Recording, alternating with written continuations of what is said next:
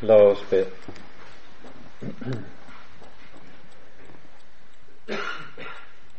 Så kommer vi, Herre, til deg på ny og kaller på ditt navn. Takk, Herre Jesus, Guds hellige Sønn, at du elsket oss og ga deg selv for oss.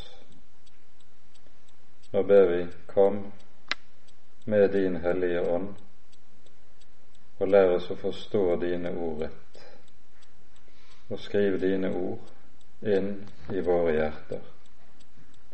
Amen.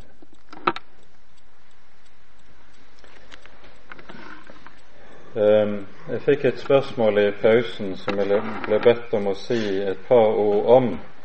og Det får vi gjøre innledningsvis.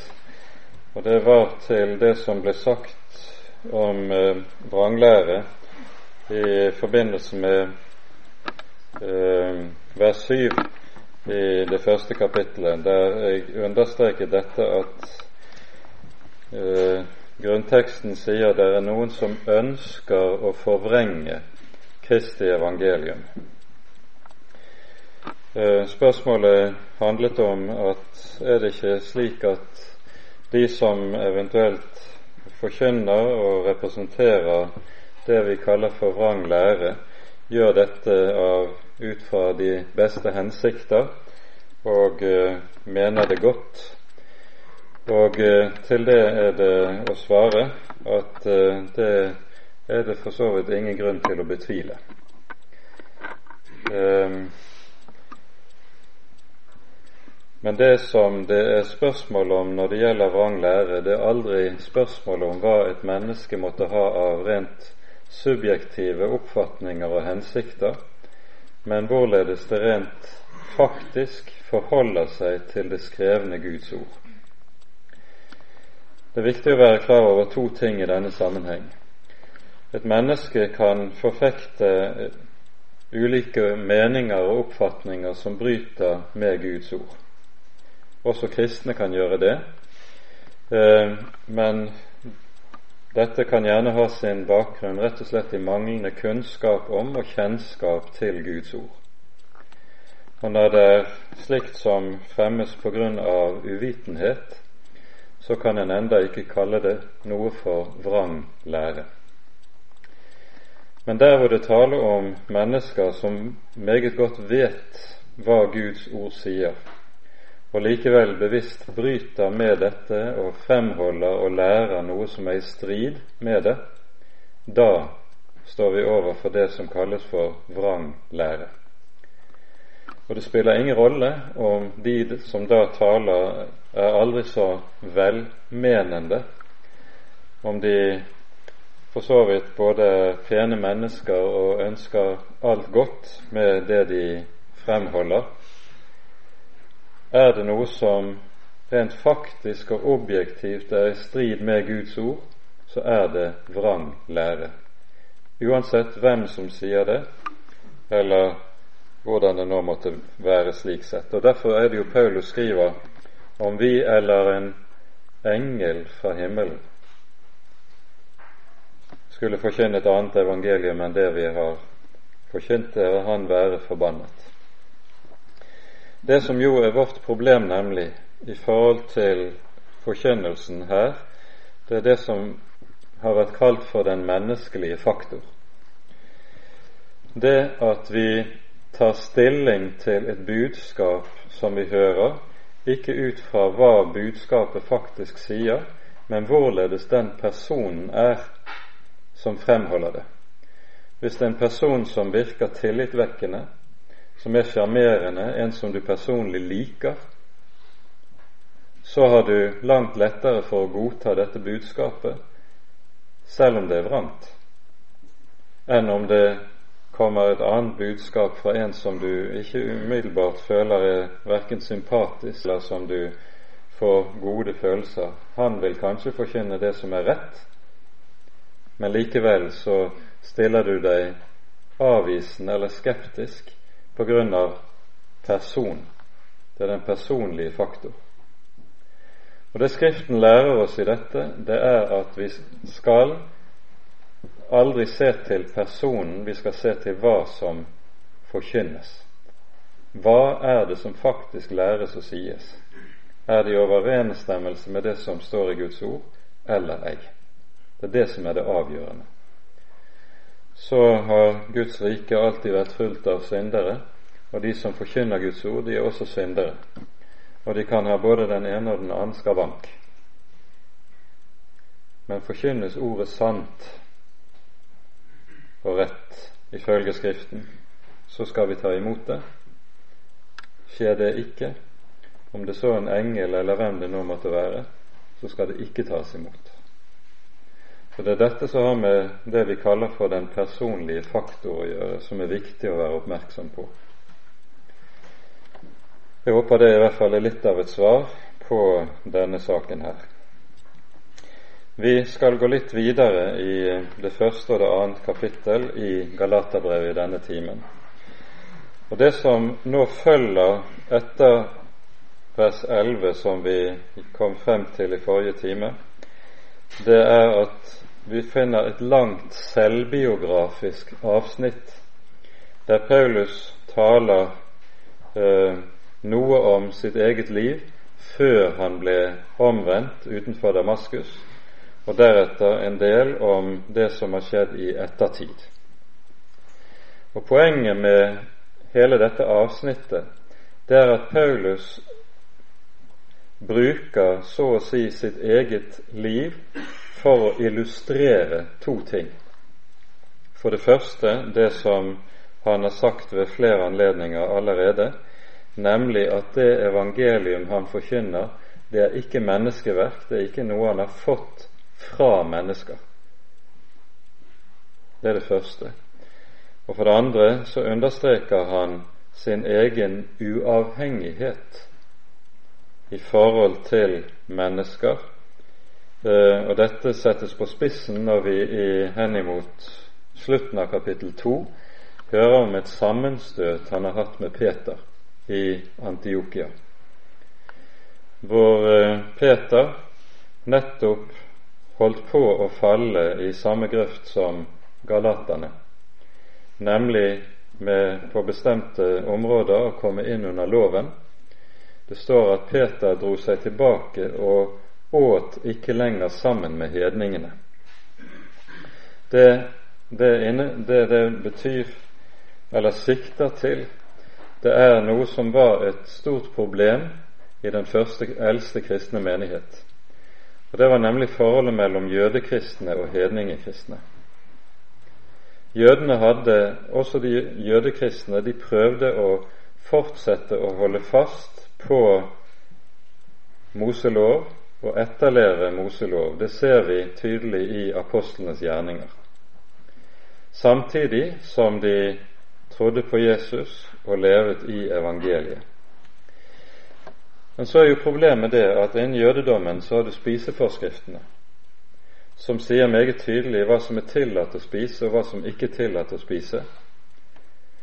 Og skulle en da komme i berøring med mat som ikke var tillatt, så ble en uren. Og nettopp det var problemet i forholdet mellom jødekristne og hedningekristne. Kunne jødekristne spise sammen med hedningekristne uten å bli urene? Hvis de ikke kunne spise sammen, så betydde jo det at da ville enheten i menigheten være ødelagt, hvilket vil være en meget alvorlig synd, slik Paulus taler om menighetene. I Efeserbrevet er jo Paulus inne på dette, hvorledes Jesus bryter ned skilleveggen. Og Da taler han om skilleveggen nettopp mellom jøde og hedning. Ved sitt kors så nedbryter Jesus skilleveggen, slik at jøde og hedning blir felles til ett Guds folk. Følgelig så kunne det, og skulle det, også være måltidsfellesskap mellom jødekristne og hedningekristne. Men så er det altså at Peter lar seg forlede. Det kommer noen slike judaister ned til Antiokia og av hensyn til disse så glemmer Peter noe av det vesentligste, og så står det at han trekker seg tilbake og spiser ikke lenger sammen med de hedningene kristne. Og Da er det Paulus trer opp og offentlig irettesetter Peter. Ut fra sammenhengen så forstår vi at Peter tar seg dette til hjertet. Men i dette så ser vi altså noe som var et betydelig problem i den første kristne menighet, hvordan de skulle forholde seg til en del slike saker. Og Paulus er den som har sett klarest i dette spørsmålet.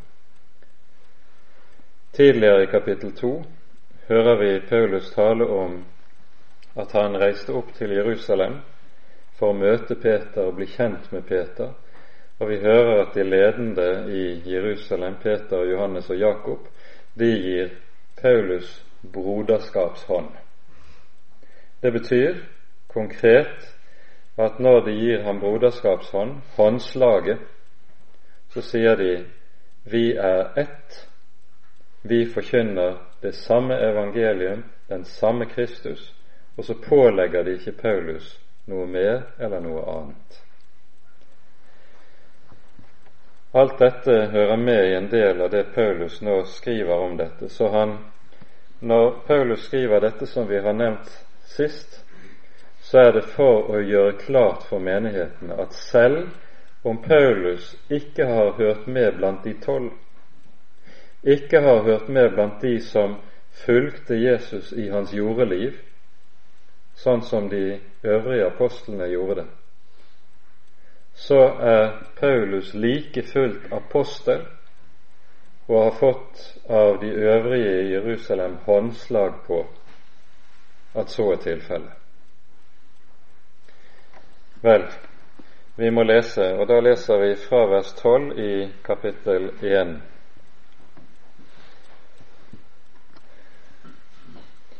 I vers 11 hørte vi det sto:" Jeg kunngjør dere brødre at det evangelium som er blitt forkynt av meg, ikke er menneskeverk. Heller ikke har jeg mottatt det eller lært det av noe menneske, men ved Jesu Kristi åpenbaring. Dere har jo hørt hvordan jeg en gang levet som jøde, hvor hardt jeg forfulgte Guds menighet og forsøkte å utrydde den jeg gikk lenger i jødedommen enn mange jevnaldrende i mitt folk, og var enda mer nidkjær for overleveringene fra fedrene. Men da Han, som utvalgte meg fra mors liv og kalte meg ved sin nåde, etter sin gode vilje besluttet å åpenbare sin sønn i meg, for at jeg skulle forkynne evangeliet om ham blant hedningene, da samrådde jeg meg ikke med kjøtt og blod. Heller ikke dro jeg opp til Jerusalem, til dem som var apostler før meg. I stedet dro jeg straks av sted til Arabia og vendte siden tilbake til Damaskus. Deretter, tre år senere, dro jeg opp til Jerusalem for å innhente kunnskap hos Kefas, og ble hos ham i 15 dager. Men noen annen av apostlene oppsøkte jeg ikke, bare Jakob, Herrens bror, det jeg her skriver til dere, se, det vet Gud, at jeg ikke lever, at jeg ikke lyver. Deretter dro jeg til bygdene i Syria og Kelikia. Personlig var jeg ukjent for de judeiske menighetene i Kristus.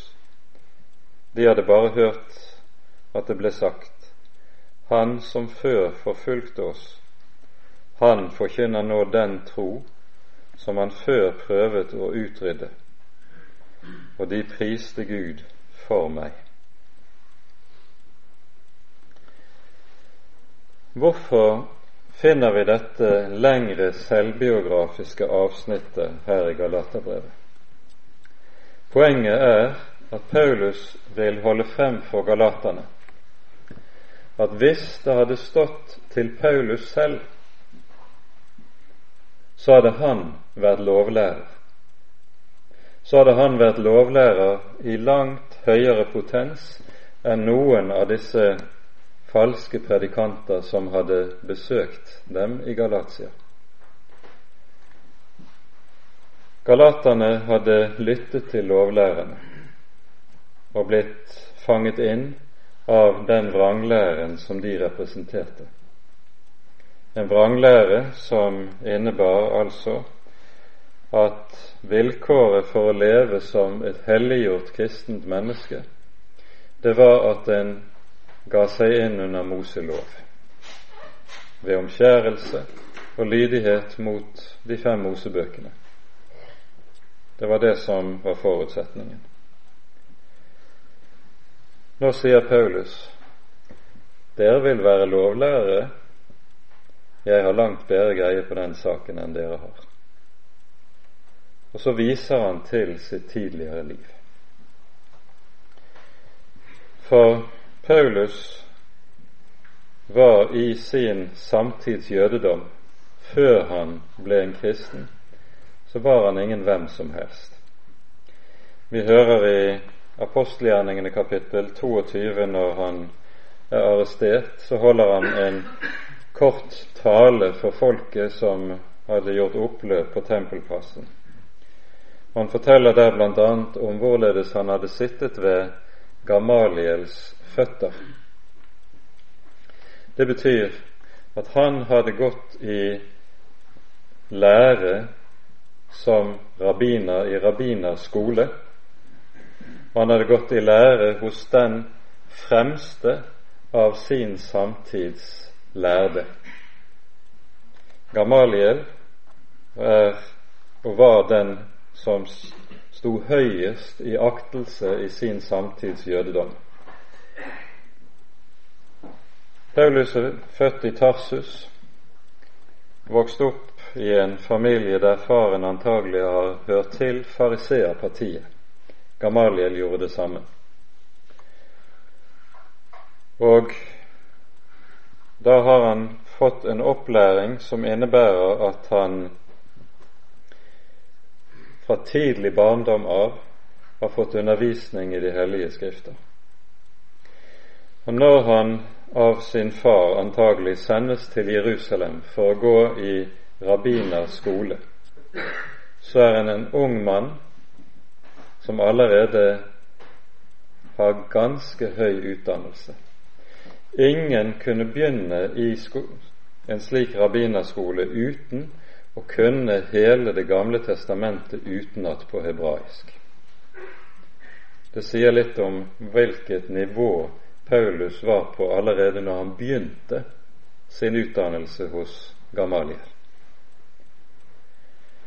Og utdannelsen kom til å bestå i å lære utenat en mengde stoff i tillegg til dette.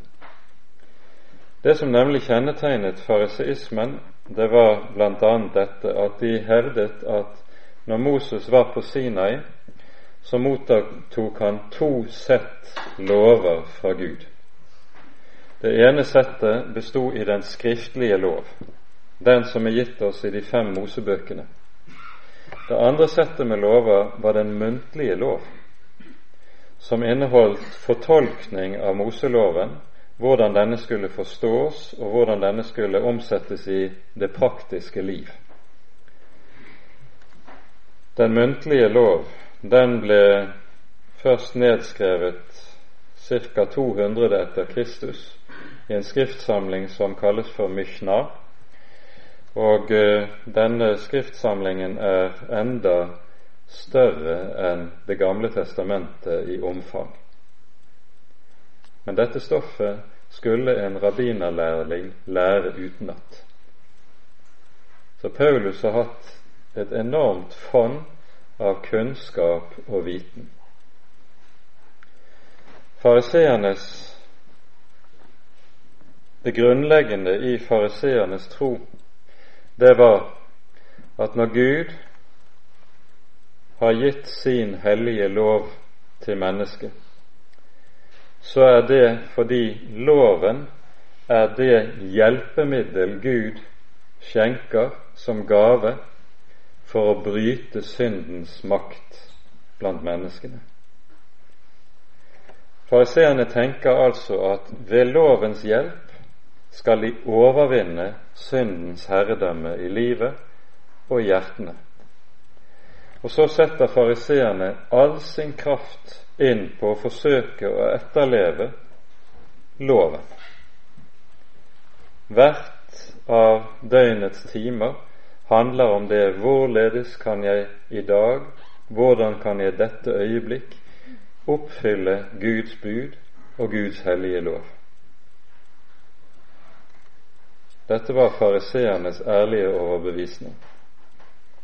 De mente at menneske, hvert menneske hadde fri vilje, slik at de bare de ville det, så kunne de også oppfylle den lov Gud hadde gitt.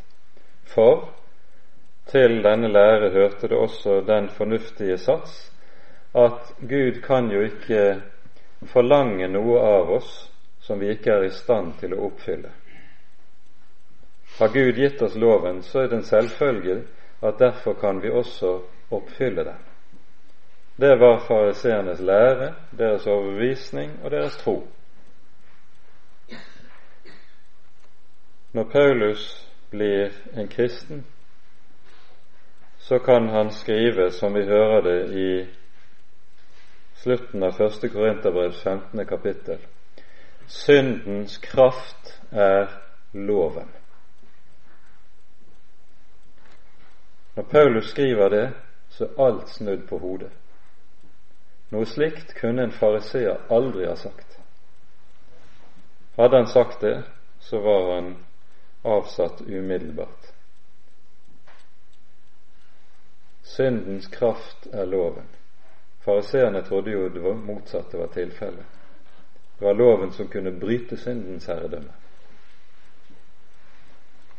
Og I Romerbrevets syvende kapittel så utbroderer Paulus nærmere hva som ligger i dette.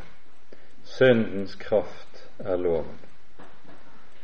Saken er jo ikke at loven er det som bryter syndens herredømme, men der loven kommer til, så vokser i stedet syndens makt i et menneskes liv.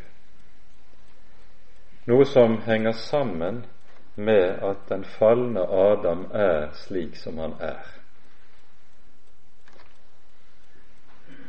Nå går vi kanskje litt raskt frem, men vi skjønner at alt snus på hodet for Paulus når han blir en kristen.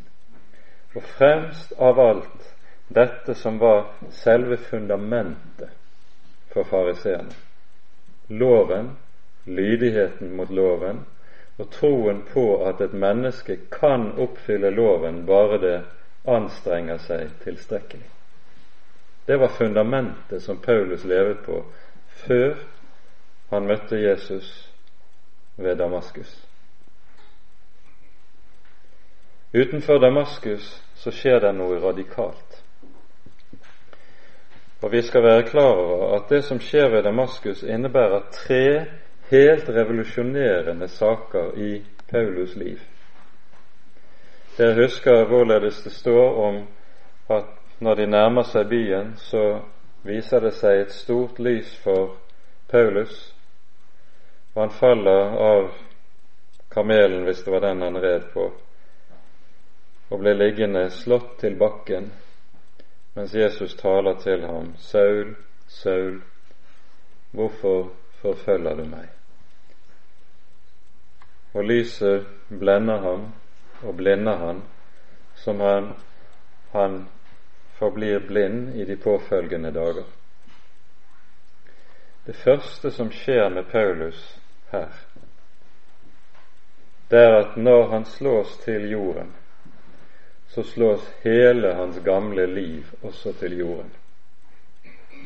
Han må i møte med Jesus, når han stiller spørsmålet 'Hvem er du, Herre?' 'Jeg er Jesus, han som du forfølger', lyder det til ham. Så ligger han der på bakken og må innse alt det han har bygget livet på frem til denne dag, faller nå i grus. Han må se i øynene at han, han har bygget livet på en falsk grunnvoll. Og så blir han blind. Og blindheten, den likesom er en anskueliggjøring av hva som er Paulus sin tilstand. I Johannesevangeliets niende kapittel så hører vi om Jesus, hvorledes Jesus helbreder den blindfødte. Og så blir det en diskusjon med fariseerne etter dette, og så sier fariseerne til Jesus ved slutten av denne samtalen Kanskje vi også er blinde? Og Jesus svarer dem og sier, Var dere blinde, hadde dere ikke en skyld. Men fordi dere sier, Vi ser, blir deres skyld.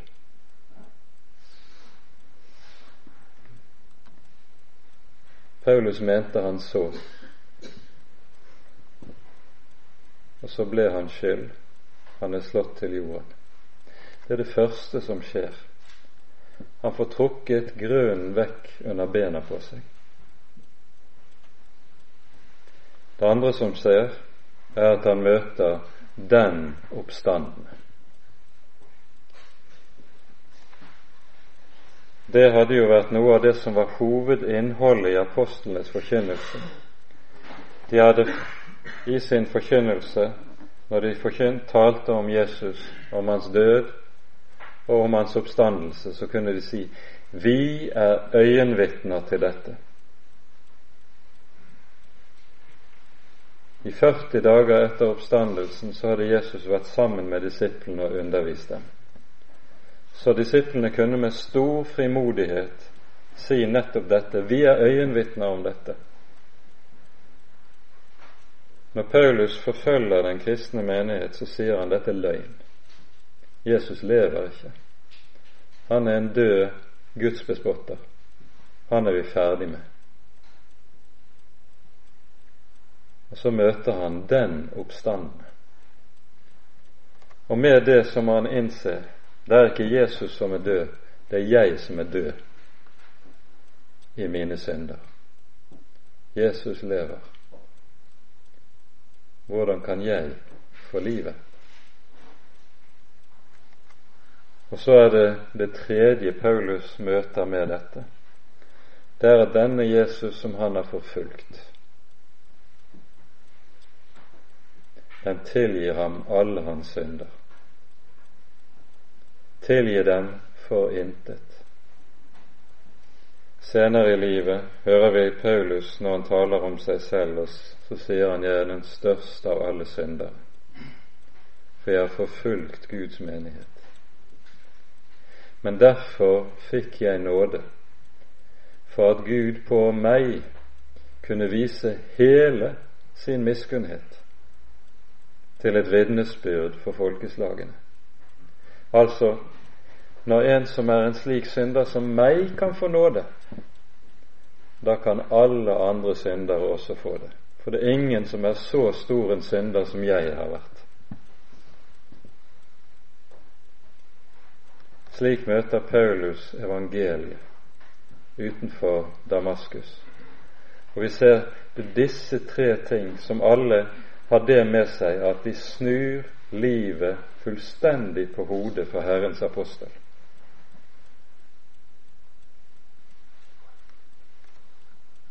Hadde evangeliet bestått i lovlære, så kunne bare Paulus fortsatt å være fariseer. Hadde evangeliet bestått i å være lovlærer, da hadde han ikke behøvd å komme til dem og male Kristus korsfestet for deres øyne. Men nå er det nettopp det de har møtt. Nå er det nettopp det de har forlatt. Og så er det Paulus må peke på for dem. Det evangelium som er blitt forkynt av meg, er ikke menneskeverk. Det er gitt gjennom åpenbaring. Ved all min fromhet, ved all min lovlydighet, ved all min intensitet i å innrette livet etter Guds hellige lov, så var evangeliet likevel skjult. Det var en hemmelighet som måtte åpenbares. For av, ut fra naturen er hvert menneske en fiende av Gud og en fiende av evangeliet. Det må åpenbares. Så er det Paulus har fått lov til å oppleve det. Han taler om noe av det samme i Filippabrevet, det tredje kapittel, og hva det avføder i hans eget liv. I Filippabrevet kapittel 3 leser vi følgende. Her er det også en advarsel mot de som kommer, judaistene som kommer med krav om det samme som vi hører i Galaterbrevet. Hold øye med hundene, hold øye med de underarbeidere, hold øye med de skamskårne, for det er vi som er de omskårne, vi som tjener Gud i Hans ånd og roser oss i Kristus Jesus, og ikke setter vår lit til kjød. Skjønt jeg har saktens det jeg kunne sette min lit til, også i kjød. Om noen annen mener seg å kunne sette sin lit til kjød, da kan jeg det enn mer.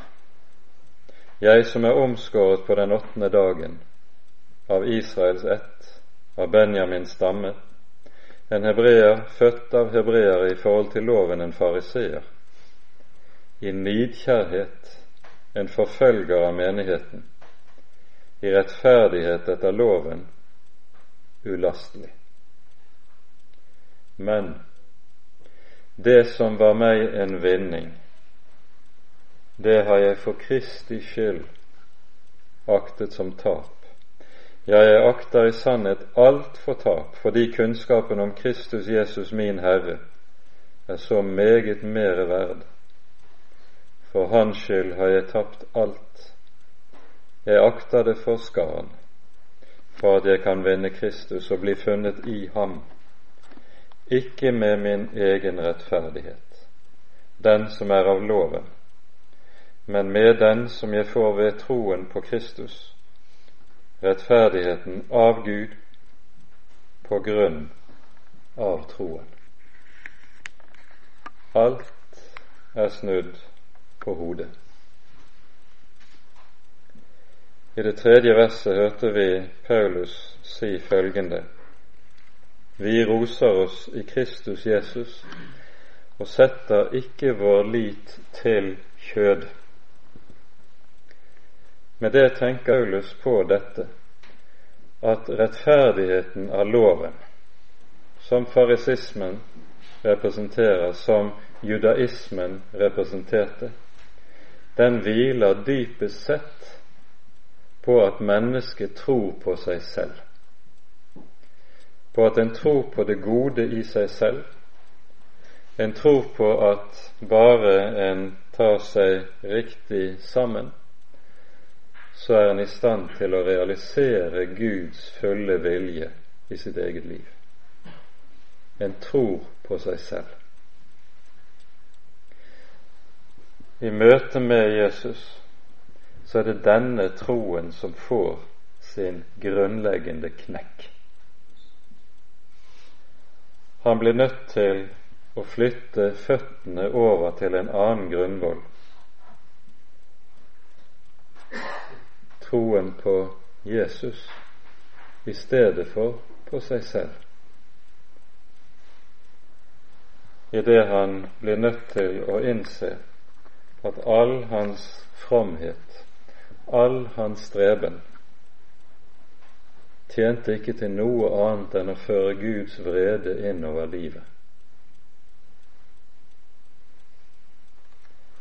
Og det er som Luther sier i en kommentar til dette, når han taler om galaternes fromhet, så stiller han spørsmålet Hvordan kan du tro at dine egne gjerninger kan bringe deg nåde hos Gud, når du ikke kan tro at Kristi gjerning kan gjøre det? Tror du virkelig at det Jesus har gjort, ikke er tilstrekkelig i Guds øyne, og så skal det du gjør, like som holde i Guds øyne? Slik spør Luther, og treffer med det spikeren på hodet. I kapittel to her så taler Paulus om sitt annet besøk i Jerusalem. Og Det er antagelig dette besøket som er omtalt som apostelmøte i Jerusalem, og som vi hører om i apostelgjerningenes 15. kapittel. Vi leser fra kapittel 2. 14 år senere dro jeg igjen opp til Jerusalem sammen med Barnabas. Jeg tok også Titus med.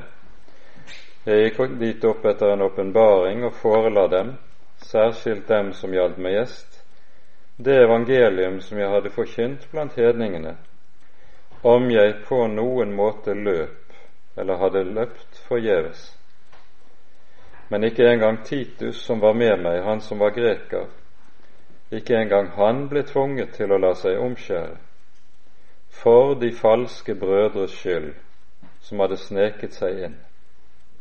De var kommet for å lure på vår frihet, den som vi har i Kristus Jesus, for å kunne gjøre oss til treller. Men ikke ett øyeblikk vek vi eller ga etter for dem for at evangeliets sannhet skulle stå fast hos dere. Dette står altså omtalt i apostelgjerningene 15, og bakgrunnen er at Paulus etter sin første misjonsreise har kommet tilbake til Antiokia og forteller i Antiokia, som jo var sendemenigheten, om hedningenes omvendelse og menigheten fryder seg over å høre dette. Men så er det at noen reiser seg, står det, de var av fariseernes parti som hadde tatt ved troen. Disse reiser seg, og så sier de disse må påbys og omskjæres. Samme sak som vi møter i Galatia. Og Så blir det en veldig diskusjon i menigheten og menigheten enes om å sende en delegasjon til Jerusalem og fremlegge saken for apostlene der. Og så hører vi om apostelmøtet i Jerusalem, som er meget avgjørende i denne sammenheng. Og vi vil bare lese et par vers fra det vi hører. Vi hører her både at Jakob og Peter taler. Saken var lagt frem og så tar Peter ordet, og vi leser fra vers 7 i apostelgjerningene 15. Da det nå oppsto et skarpt ordskifte, reiste Peter seg og sa til dem, brødre, dere vet at Gud for lenge siden utvalgte meg blant dere så hedningen av min munn skulle høre evangeliets ord og komme til tro. Det er dette vi hører om i kapittel 10 når Peter er i Kornelius' hus og forkynner evangeliet. Og så fortsetter Peter. Og Gud, som kjenner hjertene, ga dem vitnesbyrd i det han ga dem Den hellige ånd, like som oss. Han gjorde ingen forskjell på oss og dem, for ved troen renset han også deres hjerter. Hvorfor frister dere da Gud og legger et åk på disiplenes nakke som verken våre fedre eller vi var i stand til å bære. Men vi tror at vi blir frelst ved Herrens Jesu nåde på samme måte som de. Legg merke til hvordan Peter her ordlegger seg. Han sier ikke at hedningene blir frelst på samme måte som vi jøder, men han sier tvert om motsatt. Vi blir frelst på samme måte som de hedningene. Og så vedtar apostlene og apostelmøtet at omskjærelsen slett ikke skal legges som noe krav på de hedninge kristne, ei heller at de skal overholde Mose lov, men de får de grunnleggende forskriftene fra de ti bud forelagt. Og dette er en del av friheten i evangeliet. Dette at den troende menighet ikke er underlagt Mose lov. Og Resten av Galaterbrevet dreier seg da om hva dette egentlig innebærer. Men legg nå merke til, før vi går videre, det som står i vers 5 her når det står om disse falske brødre som er nevnt, så sies det ikke ett øyeblikk ga vi etter for dem, for at evangeliets sannhet skulle stå fast hos dere. Her, når det gjelder evangeliet, så er Paulus ikke kompromissvillig. Han er ikke villig til å gå inn i forhandlinger her er det et skarpt nei. Når Luther taler om dette, så sier han i troen er Paulus hard som diamant. I kjærligheten er apostelen myk som voks. Og med det siktes det til at når det gjelder troens sannheter, så er troens sannheter noe som aldri verken kan eller skal forhandles om. De skal stå, og vi har ikke fullmakt til fra den levende Gud å inngå kompromisser på sannhetens vegne. Sannheten må stå klar. Men når det gjelder de ulike forhold som vi står overfor i livet rent personlig, så skal en kristen være villig til å strekke seg langt. Han skal være myk som voks. Han skal være villig til å gå de to mil, og gjerne mer enn det òg. Kjærligheten er myk som voks, troen hard som diamant. Det er meget treffende hvorledes Paulus tenker i det Luther her formulerer.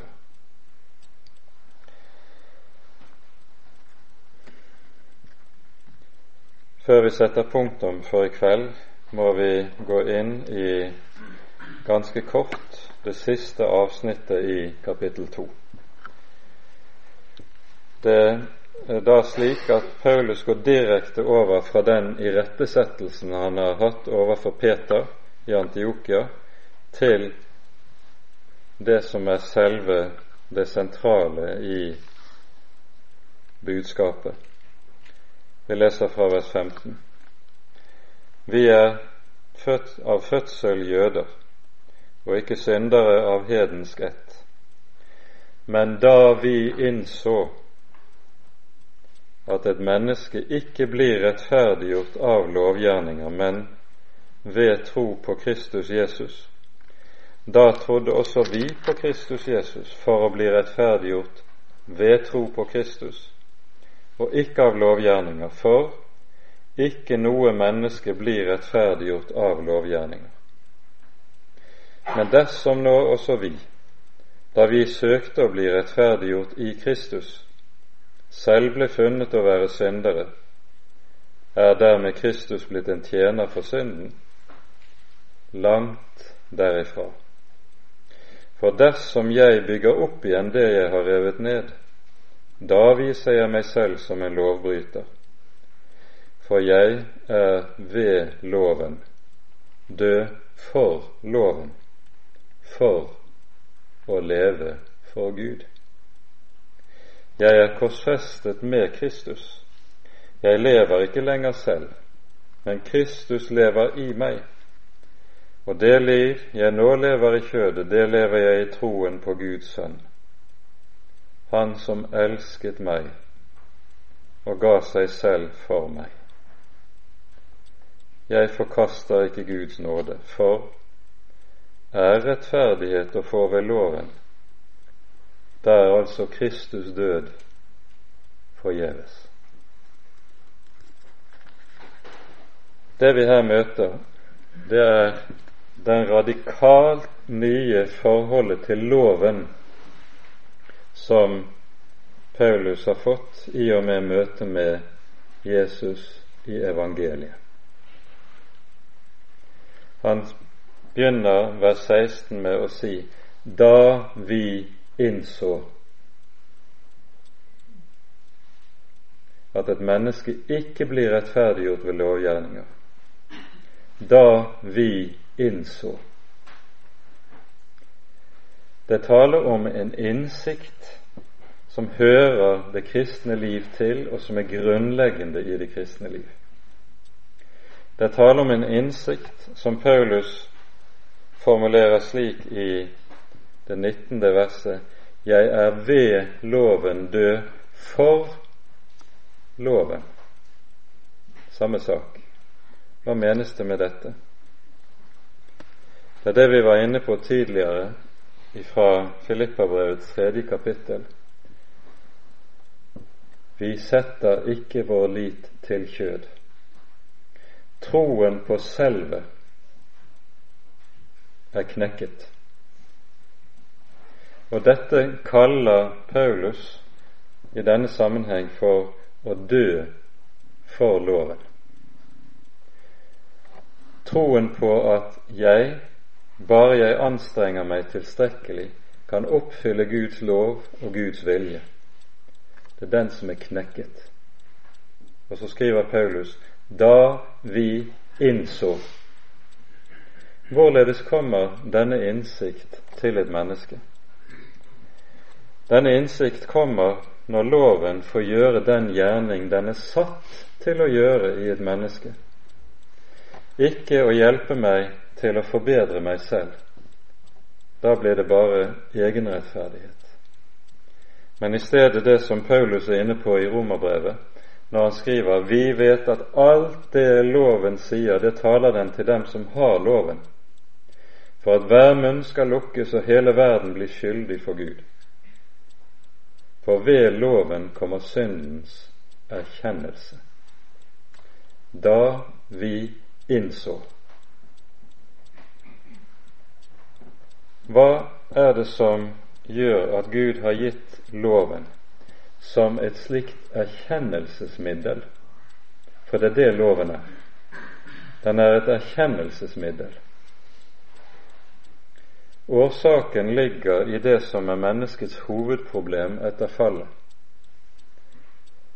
Hovedproblemet er ikke menneskets synd. Hovedproblemet er menneskets egenrettferdighet. I ordspråkene i kapittel 16 så formuleres dette på denne måten. Alle en manns veier er rene i hans egne øyne, men Herren veier åndene.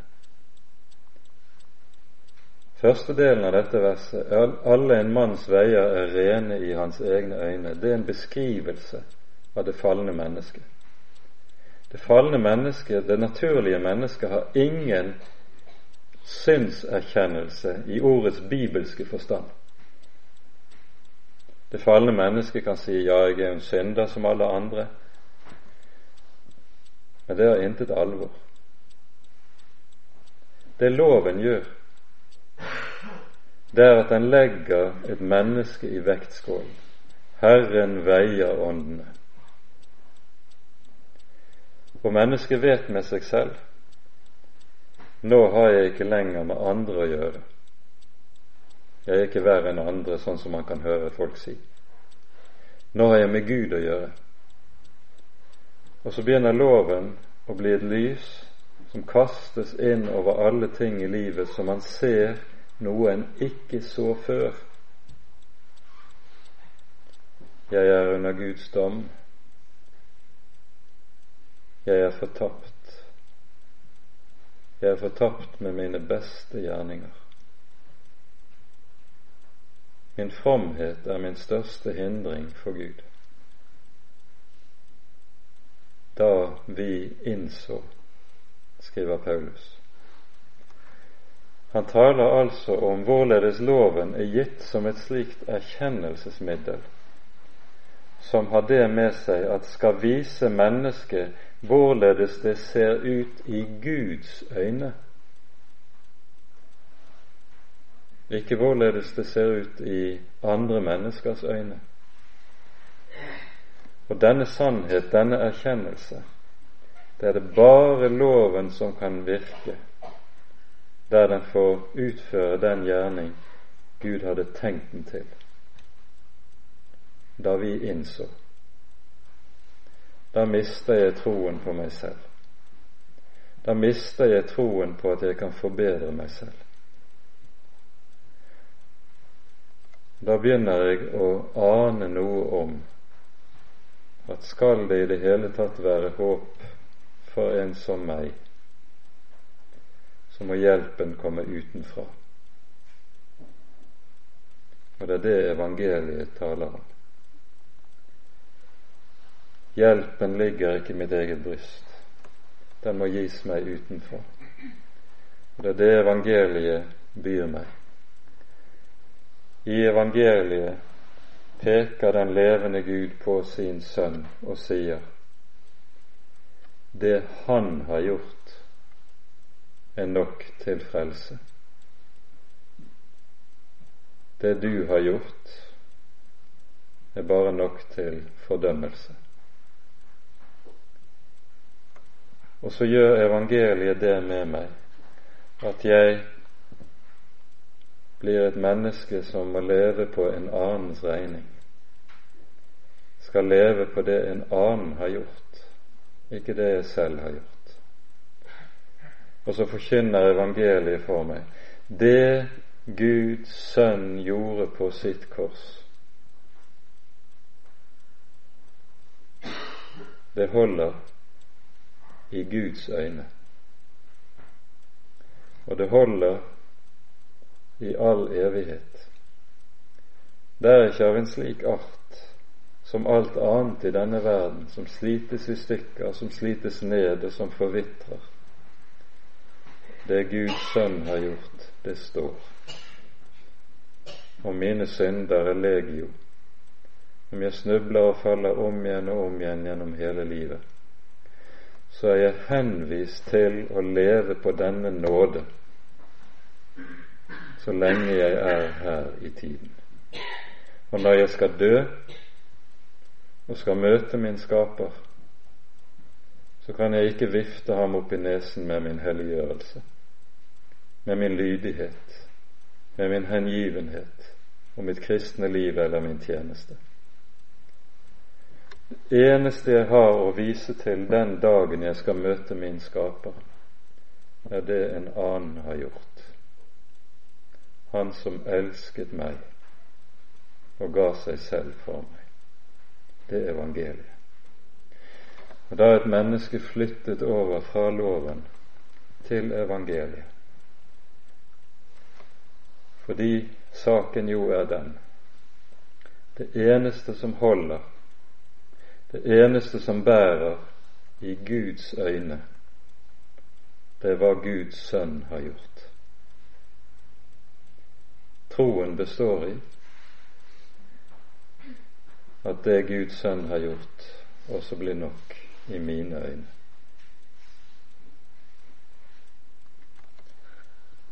Ære være Faderen og Sønnen og Den hellige ånd, som var og er og være skal en sann Gud, høylovet i evighet. Amen.